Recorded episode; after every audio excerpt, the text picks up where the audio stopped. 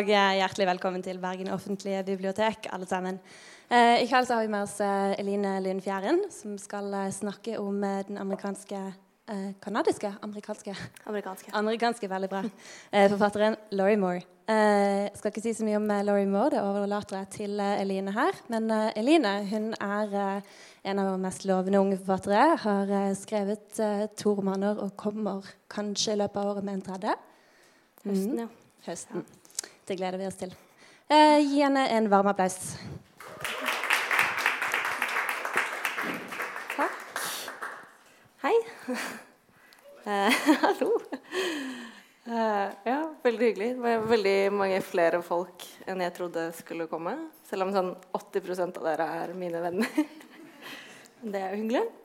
Um, jeg skal få lov til å snakke litt om uh, Laurie Moore i kveld, som er en amerikansk forfatter som jeg tror for mange nordmenn er, om ikke akkurat ukjent, så er hun i hvert fall ikke så veldig mye lest. Um, og En veldig enkel grunn til det er at bare én av hennes bøker er blitt oversatt til norsk. Uh, 'A Gate at the Stairs', eller 'En grind i trappen', uh, som den heter på norsk. Så da Charlotte her på biblioteket spurte meg om å velge meg en forfatter, så var det veldig åpenbart for meg at um, jeg ville snakke om Laurie Moore. Um, hun er definitivt en av de forfatterne jeg har lest mest av, sånn, i hvert fall de tre siste årene. Eh, og hvordan jeg oppdaga hun var at jeg faktisk ble eh, sammenligna med henne i en anmeldelse av min egen bok, som for å starte med litt skryt.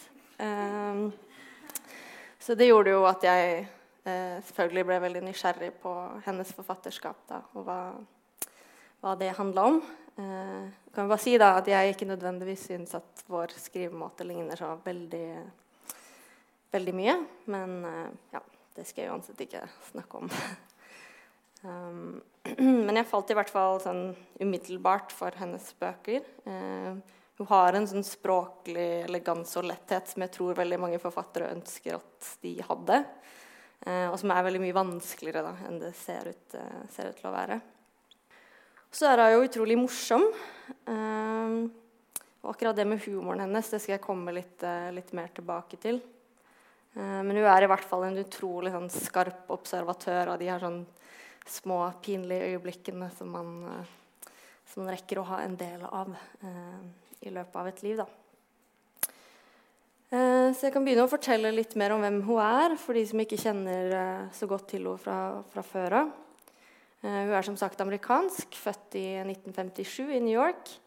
Eh, og starta på en måte sin skrivekarriere allerede som 19-åring, da hun vant en skrivekonkurranse i Seventeen Magazine, av alle steder, eh, med en novelle som heter 'Raspberries'. Og det, det var da mens hun gikk på, Hun var engelskstudent på St. Lawrence-universitetet i, i New York. Eh, og etter hun var ferdig der, så flytta hun til Manhattan, hvor hun jobba et par år som, eh, som, assistent eller noe sånt på advokatkontor. Eh, før hun da begynte som masterstudent på Cornell University. og det var mens hun gikk på Cornell, rett, ut, rett før hun skulle uteksamineres derfra, så ble hun oppfordra av en lærer spesielt til å, til å, sende inn tekstene sine til en redaktør. og det gjorde hun. Og da ble det til 'Self-Help', eh, hennes første novellesamling, eh, som kom ut i 1985. Eh, og den er jo faktisk da eh, Den består egentlig av veldig mange av hennes eh, tekster fra masteroppgaven eh, hennes. da. Så Hun har gitt ut fire, fire, novellesamlinger og er mest kjent for å være novelleforfatter. Og det er også som novelleforfatter hun er best, da, synes jeg. Um, så det starta med Self-Help i 1985 eh, og Like Life i 1990, og så Birds of America, som kom ut i 1998, og som ble hennes sånn store gjennombrudd. Eh, og den seneste novellesamlinga hennes er Bark eh, fra 2014. Den her har jeg en purring på, så den må jeg huske å levere etterpå. Eh, men hun har også gitt ut tre romaner da, eh, som heter 'Anagrams' og 'Who Will Run the Frog Hospital' og 'A Gate at the Stairs', den som ble oversatt til norsk. Så måten jeg skal liksom gjøre det her eh, foredraget på Men det er at jeg har valgt ut tre tekster, to noveller og en roman, som jeg håper at liksom eksemplifiserer noen av de store temaene i, eh, i Laurie Moore sitt forfatterskap. Da. Eh, og jeg skal begynne med self-help, eh, og da spesielt med én tekst som er min favoritt. Og det er ikke helt tilfeldig, for den heter 'How to become a writer'. Eh, jeg, har veldig lyst, jeg skal lese litt fra den. Jeg har veldig lyst til å lese hele, men den er på sånn, er på sånn ni sider, så jeg skal ikke gjøre det. Men eh, ja, jeg skal begynne med å lese noen utdrag på engelsk. How to become a writer. First, try to be something, anything else. A movie star slash astronaut, a movie star slash missionary, a movie star slash kindergarten teacher, president of the world. Fail miserably. It is best if you fail at an early age, say 14.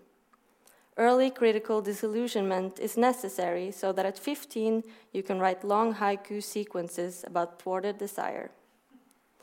It is a pond, a cherry blossom, a wind brushing against sparrow wing leaving for mountain. Count the syllables, show it to your mom. She is tough and practical. She has a son in Vietnam and a husband who may be having an affair. She believes in wearing brown because it hides spots. She'll look briefly at your writing, then back up at you with a face blank as a donut. She'll say, How about emptying the dishwasher? Look away. Shove the forks in the fork drawer. Accidentally break one of the freebie gas station glasses. This is the required pain and suffering. This is only for starters. In your high school English class, look at Mr. Killian's face. The side faces are important. Write a villanelle about pores. Struggle. Write a sonnet. Count the syllables 9, 10, 11, 13. Decide to experiment with fiction. Here you don't have to count syllables. Write a short story about an elderly man and woman who accidentally shoot each other in the head, the result of an inexplicable malfunction of a shotgun which appears mysteriously in their living room one night. Give it to Mr. Killian as your final project. When you get it back, he has written on it. Some of your images are quite ni- nice, but you have no sense of plot. When you're home, in the privacy of your own room, faintly scrawl in pencil beneath his black inked comments. Plots are for dead people, poor face.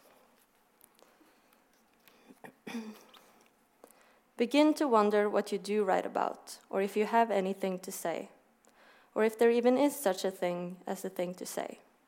Limit these thoughts to no more than 10 minutes a day. Like sit ups, they can make you thin. You will read somewhere that all, ri- all writing has to do with one's genitals. Don't dwell on this, it will make you nervous. You have broken up with your boyfriend. You now go out with men who, instead of whispering, I love you, shout, Do it to me, baby. This is good for your writing. Sooner or later, you have a finished manuscript, more or less. People look at it in a vaguely troubled sort of way and say, I'll bet becoming a writer was always a fantasy of yours, wasn't it? Your lips dry to salt. Say that of all the fantasies possible in the world, you can't imagine being a writer even making the top 20. Tell them you were going to be a child psychology major. I bet, they always sigh, you'd be great with kids. Scowl fiercely. Tell them you're a walking blade. Quit classes, quit jobs, cash in old savings bonds. Now you have time like warts on your hands. Slowly copy all of your friends' addresses into a new address book. Vacuum, chew cough drops, keep a folder full of fragments. An eyelid darkening sideways. World as conspiracy. Possible plot a woman gets on a bus. Suppose you threw a love affair and nobody came. At home, drink a lot of coffee. At Howard Johnson's, order the coleslaw. Consider how it looks like the soggy confetti of a map. Where you've been, where you're going, you are here, says the red star on the back of the menu. Occasionally, a date with a face blank as a sheet of paper asks you whether, whether writers often become discouraged.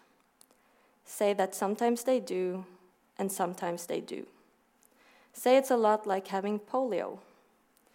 In interesting, smiles your date. And then he looks down at his arm hairs and starts to smooth them, all always in the same direction. Så det var litt av um, How to become a writer. Uh, og det som er liksom påfallende når man leser uh, den novellesamlinga her, uh, og kanskje særlig spesielt denne novella, er jo at hun allerede som debutant hadde en ganske sånn utvikla, ferdig, helstøpt litterær stemme, hvis man kan kalle det det. Eh, og også den bruken av virkemidler som ordspill, similer, eh, metaforer. Det typisk sånn lek med ord. Eh, er jo det som skal bli Laurie Moore sitt sånn trademark. Eh, også hvordan hun skriver eh, humoristisk om vonde, ofte sånn knusende opplevelser. Eh, hun skriver jo veldig mye om akkurat smerte, da, eller sånn skuffelser man opplever i livet. Eh, og i den, i den, teksten her så handler jo smerten om det å eh, mislykkes, da, eller å være ensom, som er liksom de to eh, farene man risikerer som spesielt forfatter. da. Og ifølge novellen her så er det liksom like sannsynlig å bli en stor TV-kjendis eller amerikansk president for den saks skyld, som det er å bli en forfatter som, eh, som opplever suksess. da. Um, men nå vet jo vet vi, ettersom jeg sa det for sånn fem minutter siden, at Laurie Moore starta jo sin karriere med å vinne en skrivekonkurranse som 19-åring. Eh, så det er liksom fristende å tenke at hun kanskje ikke hadde opplevde like mye motgang da, som Francie i, i, teksten her gjorde. Men det er likevel veldig morsomt og presist å gjøre liksom, narr av den ideen man har om at forfattere er liksom, veldig lidende eh, mennesker som egentlig ikke har så lyst til å skrive i det hele tatt.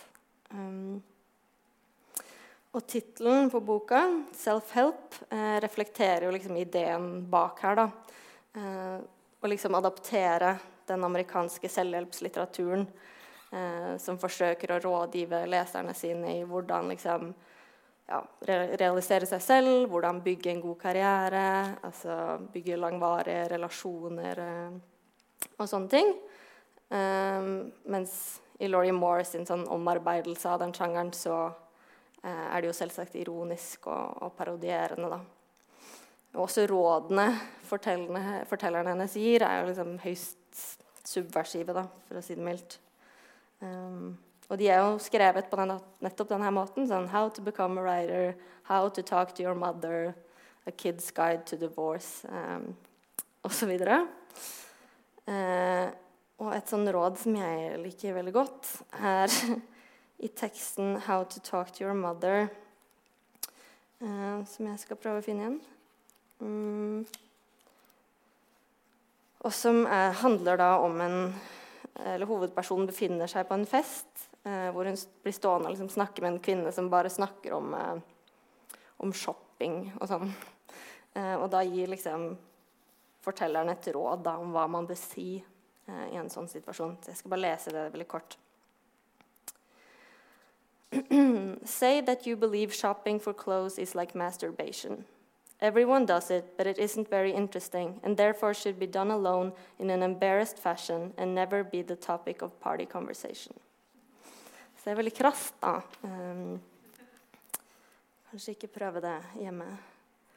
Um, men det å gjøre narr av den selvhjelpssjangeren er jo også en måte å gjøre narr av den her veldig amerikanske ideen om at man er sin egen lykkes smed. Ehm, for det er jo ikke alltid sånn at så lenge man jobber beinhardt og har en veldig sånn klokketro på, på, seg selv og ferdighetene sine, så betyr ikke det at man automatisk oppnår liksom lykke og at man blir rik og, og sånn.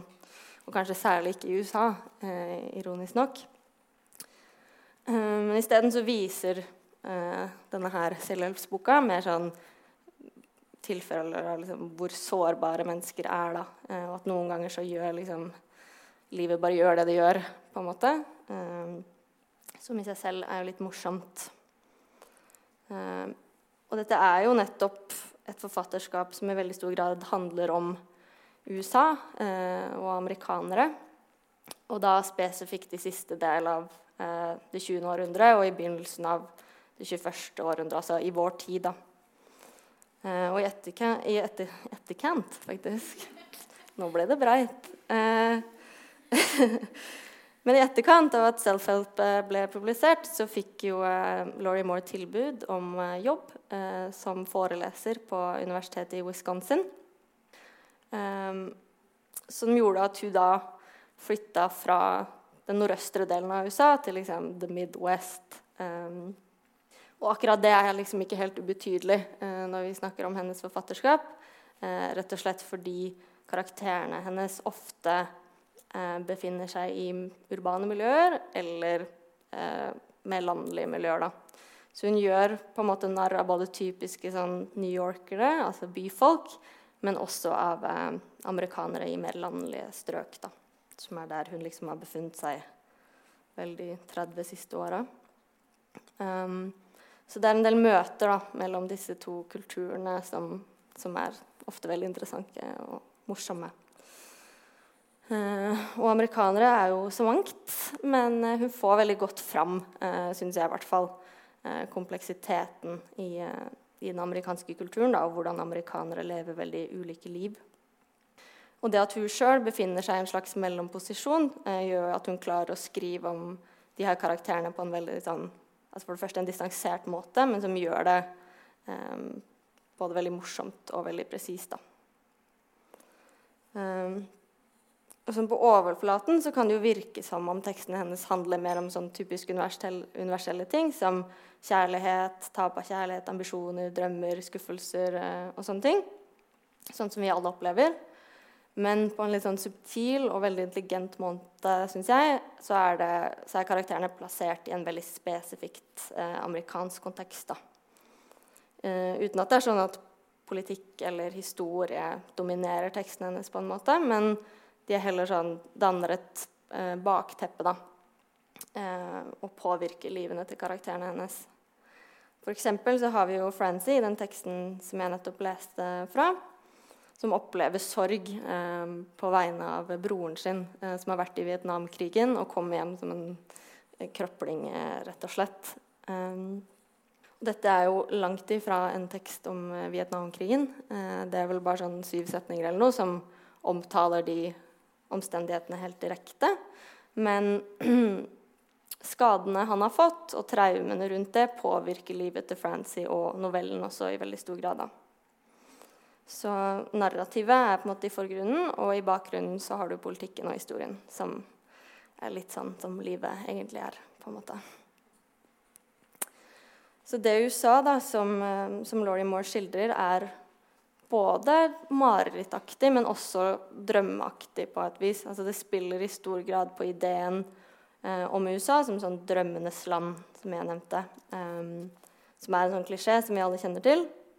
Men det handler også om en underliggende trang da, til å finne mening, altså moralsk mening, i opplevelser som krig, sykdom eh, og død. Eh. Og I de aller fleste tilfeller så finnes det jo ikke noe sånn forløsende svar eller forklaring eh, på de her spørsmålene om mening. Eh, men selve forsøket hun gjør, da, altså forsøket på å gi en sammenhengende beskrivelse av mennesker som søker etter noe mer, Eh, er jo i seg selv veldig flott og har en slags sånn forløsende, forløsende verdi. Um, og for meg så er det også det som kjennetegner god litteratur. Da. At det stiller spørsmål, skildrer kompleksitet uten nødvendigvis å gi svar. Um, og det skiller det jo også fra Det skiller jo liksom det litterære språket fra det politiske språket, f.eks at litteraturen i større grad forplikter seg på å stille spørsmålene eh, og ikke nødvendigvis komme med svarene. Da. Og det gir jo litteraturen en, en annerledes, men også veldig viktig rolle i, eh, i samfunnet. Um, og kvinnelige forfattere spesielt blir jo også ofte kritisert for å ikke skrive politisk. Og det har også Laurie Moore blitt eh, mye. Eh, men for min del så tolker jeg hennes forfatterskap eh, egentlig ganske motsatt. Altså jeg syns hun klarer å skrive politisk på en måte som er nettopp veldig realistisk. da. Eh, og selv så har hun jo sagt at særlig det tidlige forfatterskapet hennes beskriver altså hun sier feminine nødsituasjoner er måten hun eh, formulerte det. Men det handler om at tekstene tar for seg noen sånne kvinnelige kriser som er av betydelig og smertefull verdi, da, som f.eks. skilsmisse, barnløshet, eh, sånne, sånne ting. Men det også forandrer seg utover, utover, i forfatterskapet hennes, og tekstene er mindre sånn kjønna um, etter hvert. Um, men jeg skal gå videre til å snakke om hennes første roman, 'Anagrams', uh, som kom ut bare et år uh, etter 'Self-Help'. Uh, og det er egentlig to grunner til at jeg har lyst til å snakke om den romanen. Eh, for det er ikke fordi den er hennes, en av hennes beste tekster i det hele tatt. Men jeg vil snakke om den fordi den først og fremst er ganske eksperimentell eh, til å være en roman. Um, den bærer egentlig veldig preg av å være skrevet av en novelleforfatter som forsøker å skrive en roman. Um, men også fordi det er en av få bøker av Laurie Moore da, som faktisk har mottatt ganske dårlige kritikker. Um, som i seg selv gjør den uh, ganske interessant. Mm, og den romanen er delt inn i flere seksjoner med tre hovedpersoner, som egentlig alle er samme person. Så det er Benna Carpenter som er uh, på en måte hovedpersonen. da. I tillegg til Benna så er det en karakter som heter uh, Gerard. Um, som er en slags kjæreste da, uh, for Benna.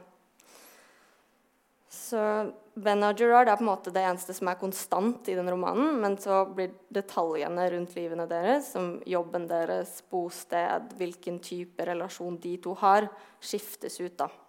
Og det er det som gjør denne, at den romanen ligner litt på, på noveller. Um, og Laurie Moore forklarte jo sjøl da den boka kom ut, at det hun var interessert i, var å på en måte utforske um, de ulike måtene igjen som amerikanere uh, lever livene sine på. Hvilke uh, valgmuligheter man har, men også at man ikke nødvendigvis får prøvd ut alle disse variasjonene, da, Eh, men som man får utforska mer i litteraturen. Så jeg skal lese noen utdrag eh, fra ulike steder i romanen. Eh, bare sånn for å gi dere en idé om hva slags mennesker eh, det her er. Jeg vil bare finne det. Dette er en veldig stor bok. Det er vanskelig å Skal vi se Ja. Gerard Maines lived across the hall from a woman named Benna. who four minutes into any conversation always managed to say the word penis. He was not a prude, but nonetheless it made him, him wince. He worked with children all day, taught a kind of aerobics to preschoolers, and the most extreme language he was likely to hear seemed to him to be in code, in acronyms, or maybe even in German boo boo, finky, penik. Words that were difficult to figure out even in context, and words, therefore, from which he felt quite safe. He suspected it was not, it was not unlike people he knew who hated operas in translation. Believe me, they would explain, you just don't want to know what they're saying. Today they were talking about families. Fathers and sons, she said. They're like governments, always having sword fights with their penises. Really, said Gerard, sitting at her kitchen table gulping at near beer for breakfast. He, he palmed his beard like a man trying to decide. But what do I know? She smiled and shrugged. I grew up in a trailer. It's not like a real family with a house. This was her excuse for everything, her own self deprecating refrain. She had grown up in a trailer in upstate New York and was therefore unqualified to pronounce on any of the subjects she continued to pronounce on. se Så skal jeg lese en liten del av um, sted der er selv som er forteller. Basically, I realized I was living in that awful stage of life from the age of 26 to 37 known as stupidity. It is when you don't know anything, not even as much as you did when you were younger, and you don't even have a philosophy about all the things you don't know, the way you did when you were 20 or would again when you were 38. Nonetheless, you tried things out. Love is the cultural exchange program of the futility and eroticism, I said. And Eleanor would say, Oh, how cynical can you get? Meaning, not nearly cynical enough. I had made it sound dreadful, but somehow fair, like a sleepaway camp. Being in love with Gerard is like sleeping in the middle of the freeway, I tried. That a girl, said Eleanor, much better. Um, for min del så fremstår jo den her Benna Carpenter litt som en slags sånn Madame Bovary. Eh, og det er fordi at hun er på en måte veldig misfornøyd i det narrativet hun befinner seg i. Eh, uten at hun liksom klarer å forandre på sin egen situasjon. Eh, og hun opptrer jo faktisk i denne boka her både som treningsinstruktør, som eh, foreleser til litteratur og sangerinne på nattklubber osv. Det er sikkert en sånn amerikansk greie. Men hun har alltid liksom bare endt opp et sted da, uten egentlig å vite eh, akkurat hvordan hun havna der. Eh, noe som jeg tror gir kanskje gjenklang i ganske mange av oss. Hvordan tida liksom bare passerer, og på ett punkt så skulle man liksom ha eh, tatt styring og ført seg selv i riktig retning, men så har man liksom ikke fått med seg helt når det tidspunktet var. da. Så plutselig bare er man der. Eh, så hun forsøker jo da å liksom rømme fra, fra, sitt eget narrativ, eh, rett og slett. Hun fantaserer veldig mye. Um, hun har både en imaginær venn og en imaginær datter. Um, og særlig hennes vennskap da, med Eleanor, sin uh, imaginære venn, er veldig viktig i romanen. Og Et sted så kaller hun de her møtene med Eleanor for 'the great white wine'. Eh, som jeg skal prøve å forklare hva er. Eller jeg skal lese hennes definisjon av hva det er. Men det er veldig vanskelig. Ok. Det er altså Whiny white people getting together over white wine and whining. Det er liksom på en måte premisset for deres vennskap. da. De sitter og drikker hvitvin mens de klager. Eh, så det er liksom utvilsomt et element av selvbevisst her da, i, eh, i uh, banda. Hun klarer på en måte å se det komiske i sin litt sånn traurige situasjon.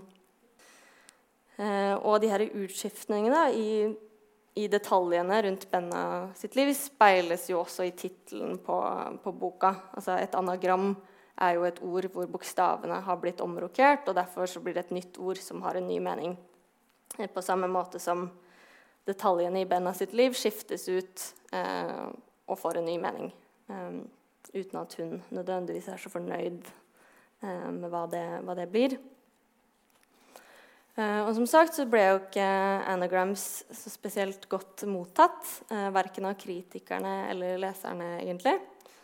og da var det vel at mange mente at den var liksom for eplekjekk for å bruke et norsk ord.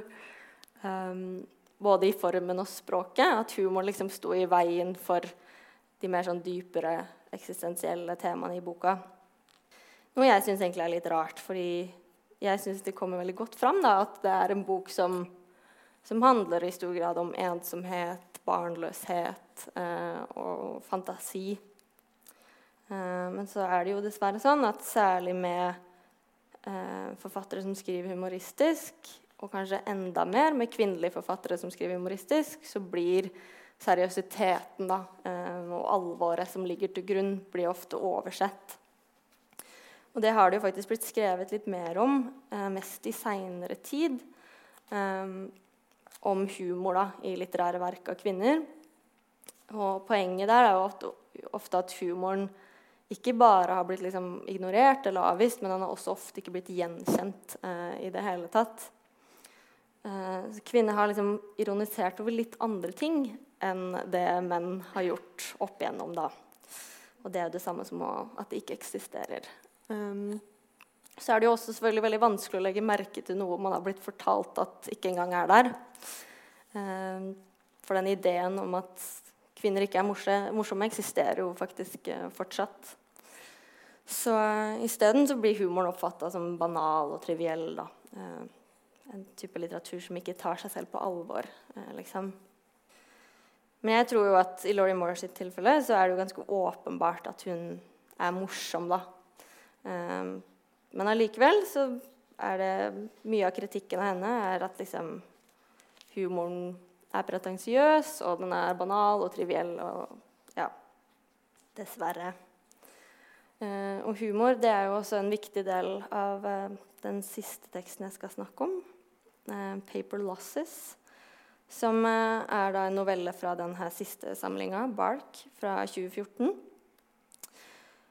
og den handler om ekteparet Kit og Rafe, som da er i ferd med å gå fra hverandre etter Hva er det?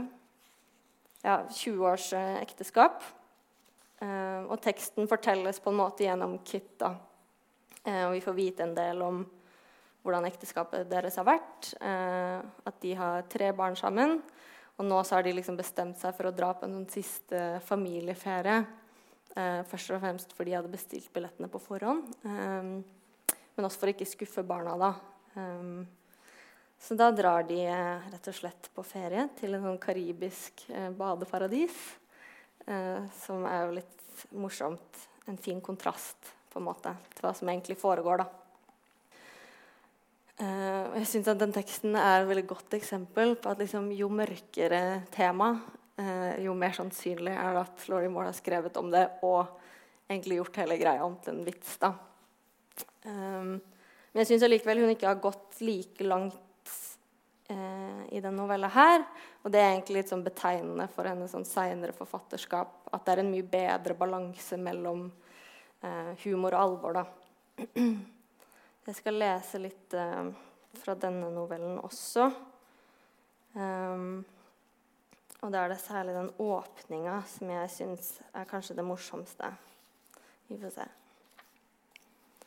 se. Although Kid and Rafe had met in the peace movement, marching, organizing, making no nuke signs, now they wanted to kill each other. They had become also a little pro nuke.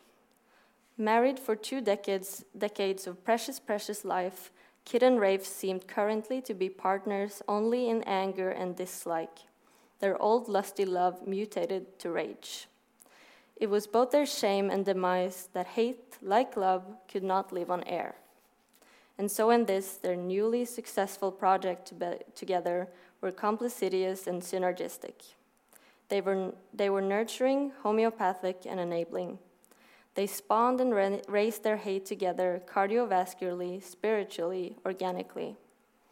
In tandem, as a system, as a dance team of bad feeling, they had shoved their hate center stage and shone a spotlight down for it to cease. Pro nuke, you are, really? Kit was asked by her friends, to whom she continued indiscreetly to complain. Well, no, Kit sighed, but in a way.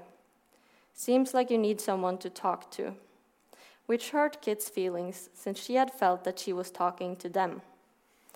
I'm simply concerned about the kids, she said.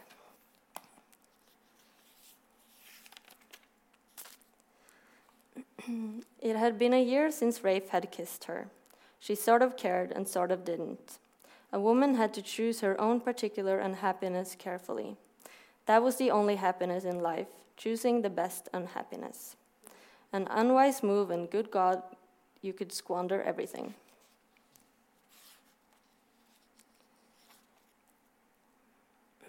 Og her er en veldig sånn fin beskrivelse som hun gjør av eh, mannen sin. da. Of course, she blamed his parents, who had somehow, long ago, accidentally or on purpose, raised him as a space alien, with space alien values, space alien thoughts, and the hollow, shifty character and sociopathic, sociopathic secrets of a space alien. Og det som er ofte veldig morsomt med Laurie Morsens skrivemåte, er jo at hun skriver humoristisk på en måte som man ofte forventer, for så å gjøre noe som er veldig uventa. Um, som i åpninga av den teksten her. Um, som begynner med at Kit og Rafe ja, de har møttes i fredsdemonstrasjoner mot atombom atombomben osv. Uh, men nå har de lyst til å drepe hverandre. Um, som for så vidt er veldig morsomt, men det er også ganske enkelt å forutse da, uh, når man kjenner til Laurie Moore. Uh, men det som derimot blir vitsen, er jo når hun legger til da they had become also a little pro-nuke. Eh, så hun liksom høyner vitsen da, med å dra det litt lenger.